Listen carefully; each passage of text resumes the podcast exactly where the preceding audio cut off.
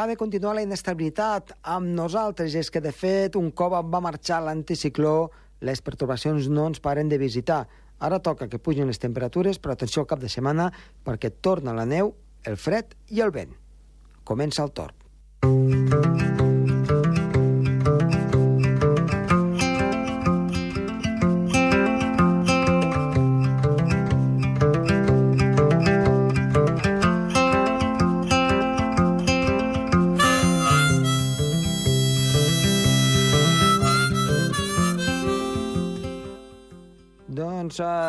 de fred cap als Estats Units. Això ens ensenyen amb diferents imatges i també eh, diferents uh, articles. Una situació eh, donada per una erupció d'aire fred, eh, molt típica en aquella zona, però que en aquest cas ha estat eh, una mica, ha anat una mica més enllà. En parlarem.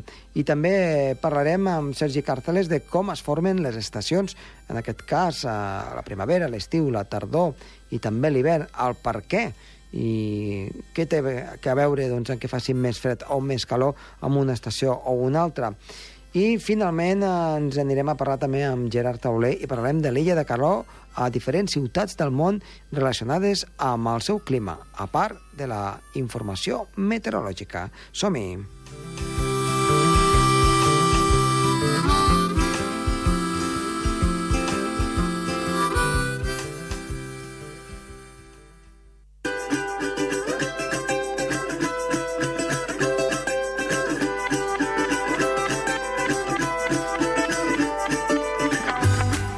Doncs iniciem el programa i connectem en aquest cas amb Gerard Tauler. Gerard, molt bona tarda. Hola, molt bona tarda, Josep Tomàs. Doncs eh, una setmana més, ha nevat molt per aquí. Eh, també eh, tot cara nord, tot cara sur, tenim eh, força neu i sembla que més que en pot arribar. I la setmana passada parlàvem de les illes de calor, de les diferents ciutats, i mira, ves per on que Uh, aquesta setmana volem continuar amb aquest tema que crec que és molt interessant i aprofitant doncs, que ara fa fred, que millor que una illa de calor no? per escafar-nos una mica. I ja ho hem parlat fora d'antena uh, amb el Gerard i anirem a quatre diferents climes per saber com els afecta la illa de calor.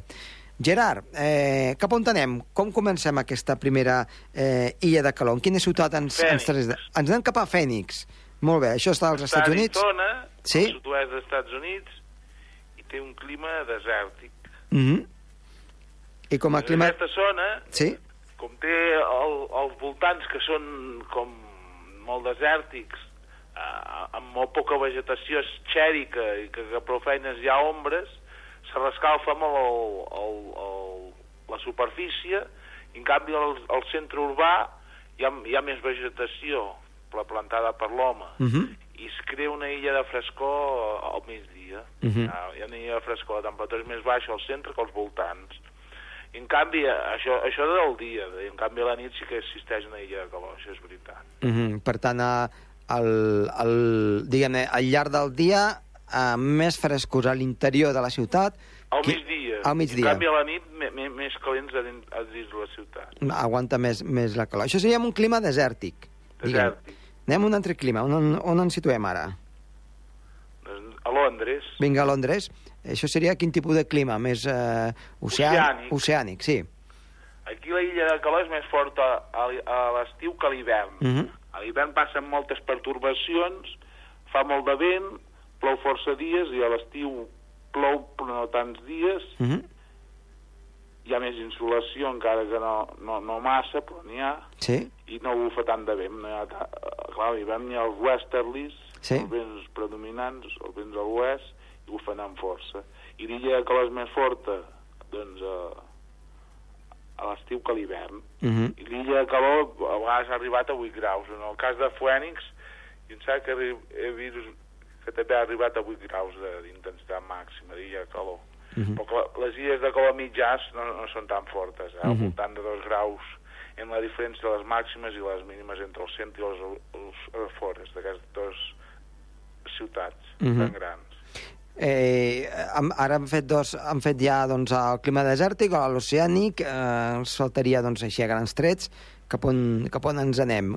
A Moscou, A Moscou, clima Aqu- continental. Aquesta megalòpolis és una de les ciutats amb més illa de calor urbana del món, amb una mitjana d'uns 3 graus de diferència entre el centre i els afores, Mhm. i s'ha observat una illa de calor màxima de 13,8 a l'hivern. 13,8? 13,8 graus de diferència. És I aquí les diferències són tan fortes a l'hivern per, per la gran calor antropogènica de- despresa, clar, per les calefaccions, perquè és una ciutat de clima molt fred, amb una Mhm. temperatura mitjana de 10 sota 0 al gener, Uh -huh. i clar, i més ha l'efecte albedo, i amb l'efecte albedo encara augmenten les diferències Uh -huh. entre el centre urbà i els afores. Fi- dir, clar. Fins a 14 graus de diferència, pràcticament, no? Sí, sí, jo, jo ho he observat en, en un article científic aquí, 13,8 graus. Mhm. Això sí, la- l'observatori que comparaven es troba a 80 quilòmetres al centre de la ciutat. No sé si es pot comparar tant, Ja. però en fi, bé que ho deien, l'article. I, i, I això és a l'hivern. A l'estiu eh, la situació deu canviar una mica, no? No, estic també déu nhi do Sí? però no n'hi ha tanta. Uh -huh. L'aire és més sec, però vaja, a, a l'estiu va haver-hi una gran mortalitat, no, no sé si va ser el juliol o l'agost del 2010, que va haver-hi una fortunada calor, llavors va haver-hi molta mortalitat. Uh -huh. Que les temperatures màximes van ser al voltant de 40 graus, i les mínimes, no sé si exagero, però que van passar de, de, de 25. Uh -huh. Clar, és moltíssim, clar, per aquesta més alta que, fins i tot que aquí a Girona, que em sembla que aquí els rècords són 25 amb 3 o alguna cosa així, Uh -huh. el juliol del 2015. I per acabar ens anem a, a un altre clima. El clima mediterrani, Mediterrani. El, el de Barcelona. Uh -huh. Aquí també l'illa de calor és més forta a, a l'hivern que a l'estiu. A l'estiu aquí les marinades influeixen perquè disminueixen la intensitat de l'illa de calor, Sí. hi ha, hi ha més ventilació i, i això produeix me, me, menys illa de calor. La illa de calor màxima, segons el mètode dels transectes que, que han fet eh, Javier Martín Vide, la Mari Carmen Moreno i, altres persones, és de 8 graus. 8 graus. déu nhi també. eh? dels observatoris, entre Drassanes i, i l'aeroport, també és de 8 graus. Uh -huh. Per tant, eh, segons tu, eh? La, la diferència mitjana en les Sí. temperatures màximes i mínimes en els últims 10 anys entre el Raval i l'aeroport és de 2 graus. Uh -huh. Segons tu, ja que encara hem visitat les quatre ciutats, en quin lloc t'aniries a viure? Eh, mm, perquè Home, per, per, per, fred, eh, està ben clar que a mi m'agrada més el fred a Moscou. a Moscou. Passa que, clar, allà al centre, clar, no em passaria tanta com, com als afores. és Clar, tot, tot i l'illa de calor, que és la més intensa. Clar, la illa de calor més intensa és a, és a Moscou, per, per això, per, per la, més, més, això, més, més despresa de calor antropogènica per, per, per, Sí, sí. Per, Déu- per, per, clar, les calefaccions, clar, funcionen i, i, clar, també hem de tenir en compte que l'illa calor és més important en, en zones de clima més humit, Uh -huh. encara que no sigui molt humit Moscou, doncs, com se diu, Al ser continental, a veure, aquest, No, aquestes... al, al tenir una temperatura mitjana tan baixa, doncs Clar, la, la, clar. la diferència de transpiració i la pluja és positiva. Ja. Que hi ha, hi ha un superàvit de Un la- superàvit, no? De, de l'aigua al, al llarg de l'any. Molt bé, Gerard, doncs eh, moltíssimes gràcies. T'esperem la setmana que ve. Vinga, fins la setmana que ve. Adéu-siau. Vinga, adéu, Josep Tomàs.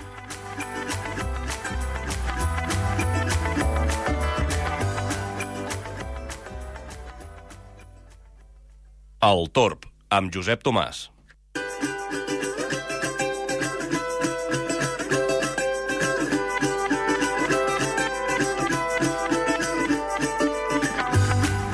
Continuem amb el programa i ara connectem amb Sergi Cartaler. Sergi, bona tarda. Hola, bona tarda. Què ens portes aquesta setmana? Doncs mira, avui parlarem una mica, doncs ara que ha vingut ja la forma més extrema de l'hivern, amb aquestes nevades que bueno, hem estat tenint, Mhm. avui parlarem de com eh, es formen o com es forma l'hivern i com es forma l'estiu. Parlarem de les estacions de l'any Ah, i el per què existeixen. Molt bé. Llavors, anem a pensar una mica...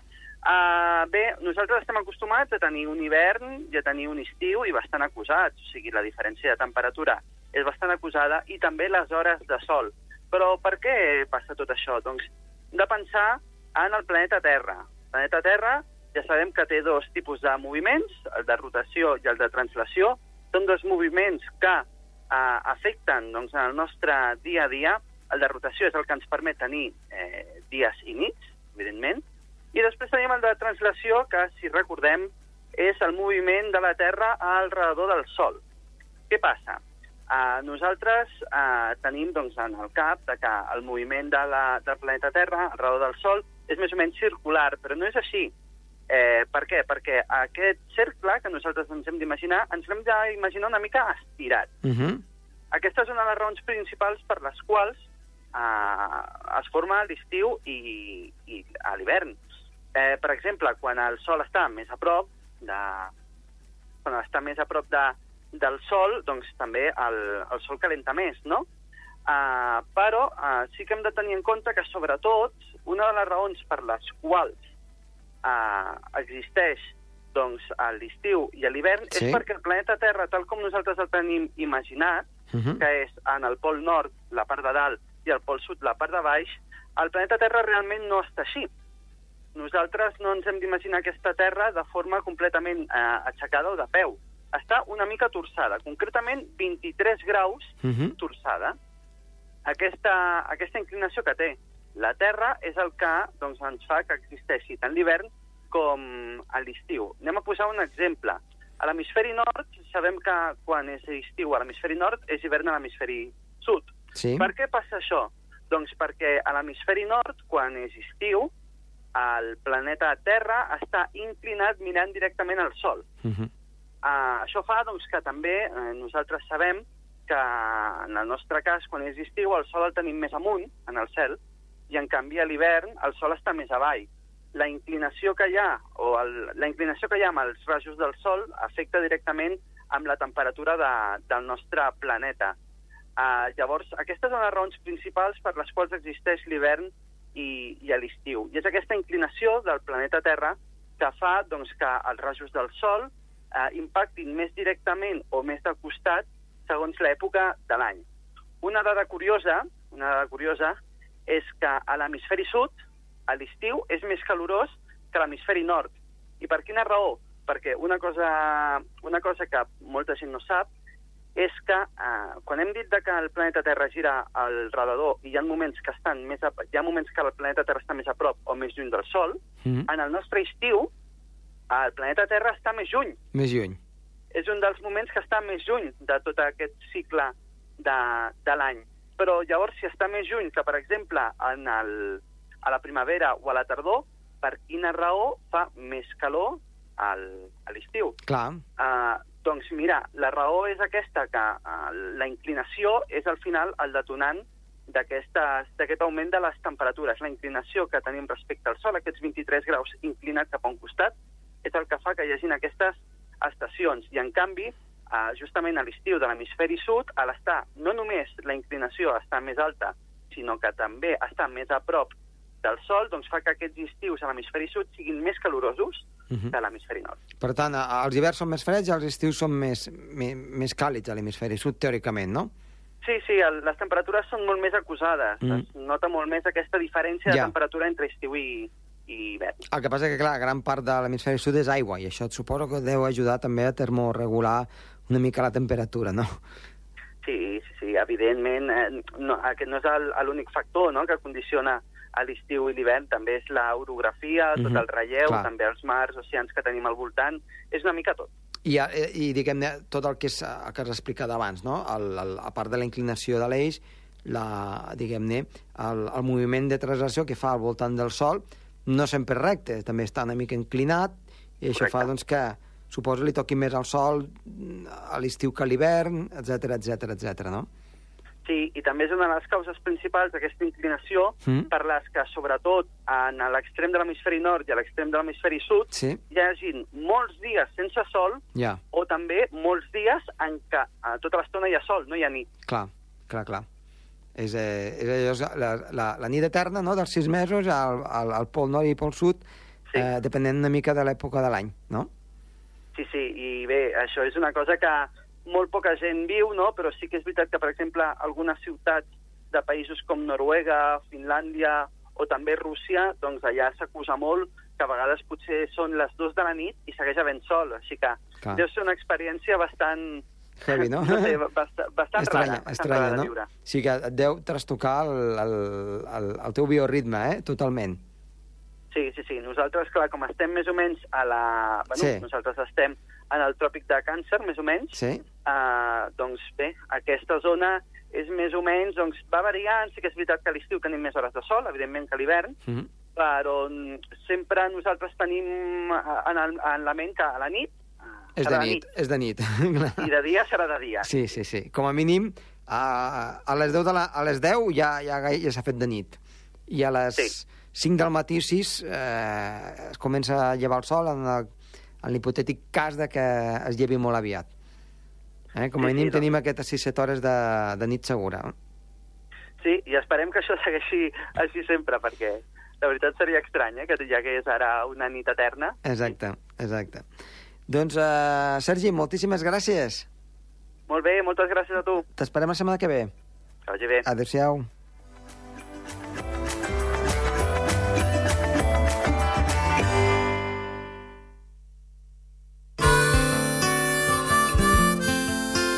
El Torb, amb Josep Tomàs.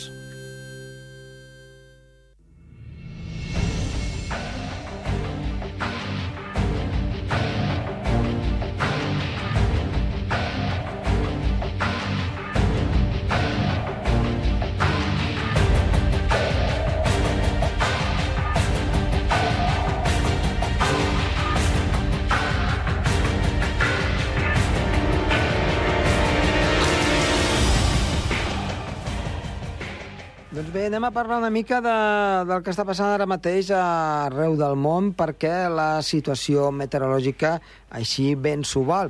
Um, ara una mica el que capta més l'atenció és tota la situació donada d'aire fred que està succeint al nord dels Estats Units i també a Canadà amb l'anomenat famós vòrtex, que de fet això és una paraula que ja fa molts i molts anys que s'utilitza, per tant, no és una paraula nova. El que passa que de tant en tant surten paraules que es popularitzen i sembla que siguin noves, com per exemple ciclogènesis explosiva, gota freda, en aquest cas eh, doncs, també irrupció d'aire fred, o ara amb el famós vòrtex. Què és això del vòrtex? Ja ho hem explicat alguna vegada. Doncs no és res més que eh, l'aire fred que queda, eh, en aquest cas, queda estacionat, queda, diguem-ne, atrapat a tot el que és el Pol Nord, a l'hivern, o al Pol Sud també en el seu hivern, que seria el nostre estiu, i que gràcies a la corrent en jet, que és una corrent que està a uns 300 hectopascals, a uns 9.000 metres d'alçada, gira en el sentit antihorari i fa doncs, que aquest aire fred no pugui anar cap a latituds més baixes. El que passa que a vegades per la configuració de la Terra, per la seva inclinació, per mm, els raigs solars, per mil i una coses, per pertorbacions, per anticiclons, doncs aquest, eh, diguem-ne, aquesta situació que es viu eh, als pols varia una mica i aquest vòrtex, podríem dir, aquest aire doncs, oscil·la una mica cap amunt i cap a baix i en aquest cas eh, se n'hi diu que es pot arribar a trencar en veritat no es trenca, simplement és que baixa de latitud i hi ha molt aire fred emmagatzemat i al baixar de latitud doncs, afecta zones amb la típica irrupció d'aire fred, que en el nostre cas seria, per exemple, àrtica, polar àrtica, polar, medit, eh, polar eh, marítima o, o la que seria molt seca i molt freda, que seria la que nosaltres anomenem siberiana, que no és autènticament siberiana, sinó seria, diguem-ne, de la zona dels Urals. Doncs allí doncs, també passa el mateix, i és el que ara ha passat. El que succeeix és que en aquesta situació concreta sí que tenim temperatures francament molt baixes, amb valors que han arribat doncs, a fregar o fins i tot superar els 40 graus sota zero a zones al voltant, per exemple, dels grans llacs de Chicago, afegint-hi, a més a més, que hi ha hagut vents eh, moderats i això ha fet que la sensació de fred hagi arribat puntualment entre els 50 a 60 graus sota zero de sensació, no pas de temperatura. Però sí que un, amb temperatures entre els 30 i 40 graus sota zero són temperatures a les que no estan acostumats. En aquestes zones eh, doncs del nord dels Estats Units i sud del Canadà sí que estan acostumats a temperatures entre els 10 als 20 graus sota zero, igual que pot passar, per exemple, als països escandinaus. Una temperatura entre els 10 a 20 graus sota zero són temperatures ben normals per un hivern. Sí que quan baixen d'aquests 20 graus sota zero ja es comença a parlar de fred. És com si a nosaltres aquí a Andorra ens arribés una massa d'aire i ens donés, per exemple, a Andorra la Vella temperatures de 20 graus sota zero, una cosa que no ha succeït mai. Llavors estaríem parlant d'un fred extrem, però depenent del lloc on estem vivint, tenim temperatures o tenim onada d'aire fred o no en tenim. per exemple, per un exemple, imaginem que arriben temperatures al voltant dels 0 graus, a, a Cuba seria una onada d'aire fred, per nosaltres seria diguem-ne, de riure, una mica depenent eh, del lloc. Per què dic això? Perquè en el mateix moment, per exemple, a Yakutia, a Yarkus, a la Sibèria més profunda, en aquest cas eh, de l'est, la temperatura aquests dies volta, temperatura ben normal, està entre els 40-45 graus sota zero. Pensem que els nens ja no van a escola a partir dels 50 graus negatius, per tant, eh, la situació és ben diferent el que per uns és fred, pels altres doncs, és eh, fresqueta, podríem dir, depenent doncs, com estiguin les ciutats i la vida arreglada per patir aquestes temperatures. De totes maneres, sí que hem de dir que aquesta temperatura és força baixa i eh, està causant força estrès, tot i que els avisos, en aquest cas, eh, el que és a tota la zona de l'Amèrica del Nord, estan doncs, eh, molt ben eh, situats i tothom ho pot eh, portar a l'ordre del dia. Per tant, no els ha agafat de sorpresa. Una situació que aquí no es donarà, però sí que haurem de veure, després en parlarem, doncs, del cap de setmana, a veure què és el que ens porta, perquè fred ens en portarà no tant, i també algunes precipitacions de nou en forma de neu a cotes baixes. Per tant, onada d'aire fred als Estats Units, sembla que la setmana que ve pot arribar una altra, veurem nosaltres quina situació tenim. De moment ens arriben aquestes situacions fredes amb humitat, això ens porta neu, potser d'aquí uns dies canviarà i serà un fred més sec. De moment, però, anem a gaudir del que ens queda d'hivern.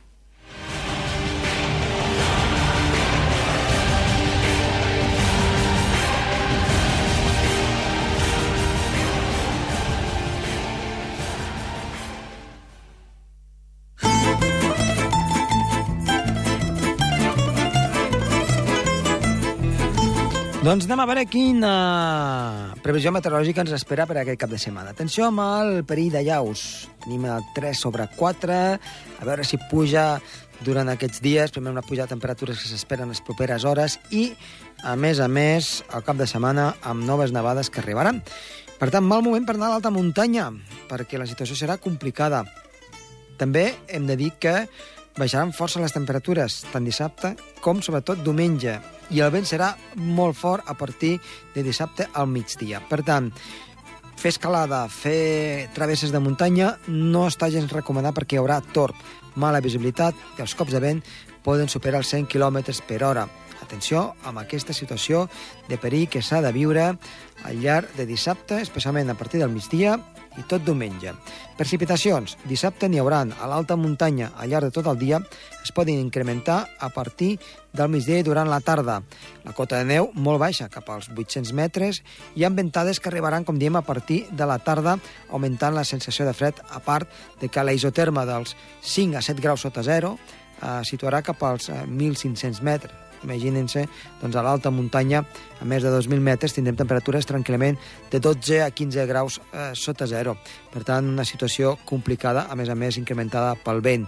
Diumenge, la precipitació anirà minvant molt ràpidament, fins i tot s'obriran clarianes al centre i al sud del país, però al nord es mantindrà la nuvolositat, potser amb alguna dèbil nevada, però el vent continuarà molt fort i amb molt de fred. Per tant, eh, no baixem la guàrdia perquè, tot i que millora en quant a precipitació, sí que el vent i les temperatures baixes han de continuar, per tant, una situació per estar-se a les estacions d'esquí i si fan algun esport de muntanya, fer-ho en zones baixes. Hi ha moltíssima neu i, per tant, no corrin riscos a les zones més elevades, ja sigui pel vent, pel fred o també pel perill de llaus. Doncs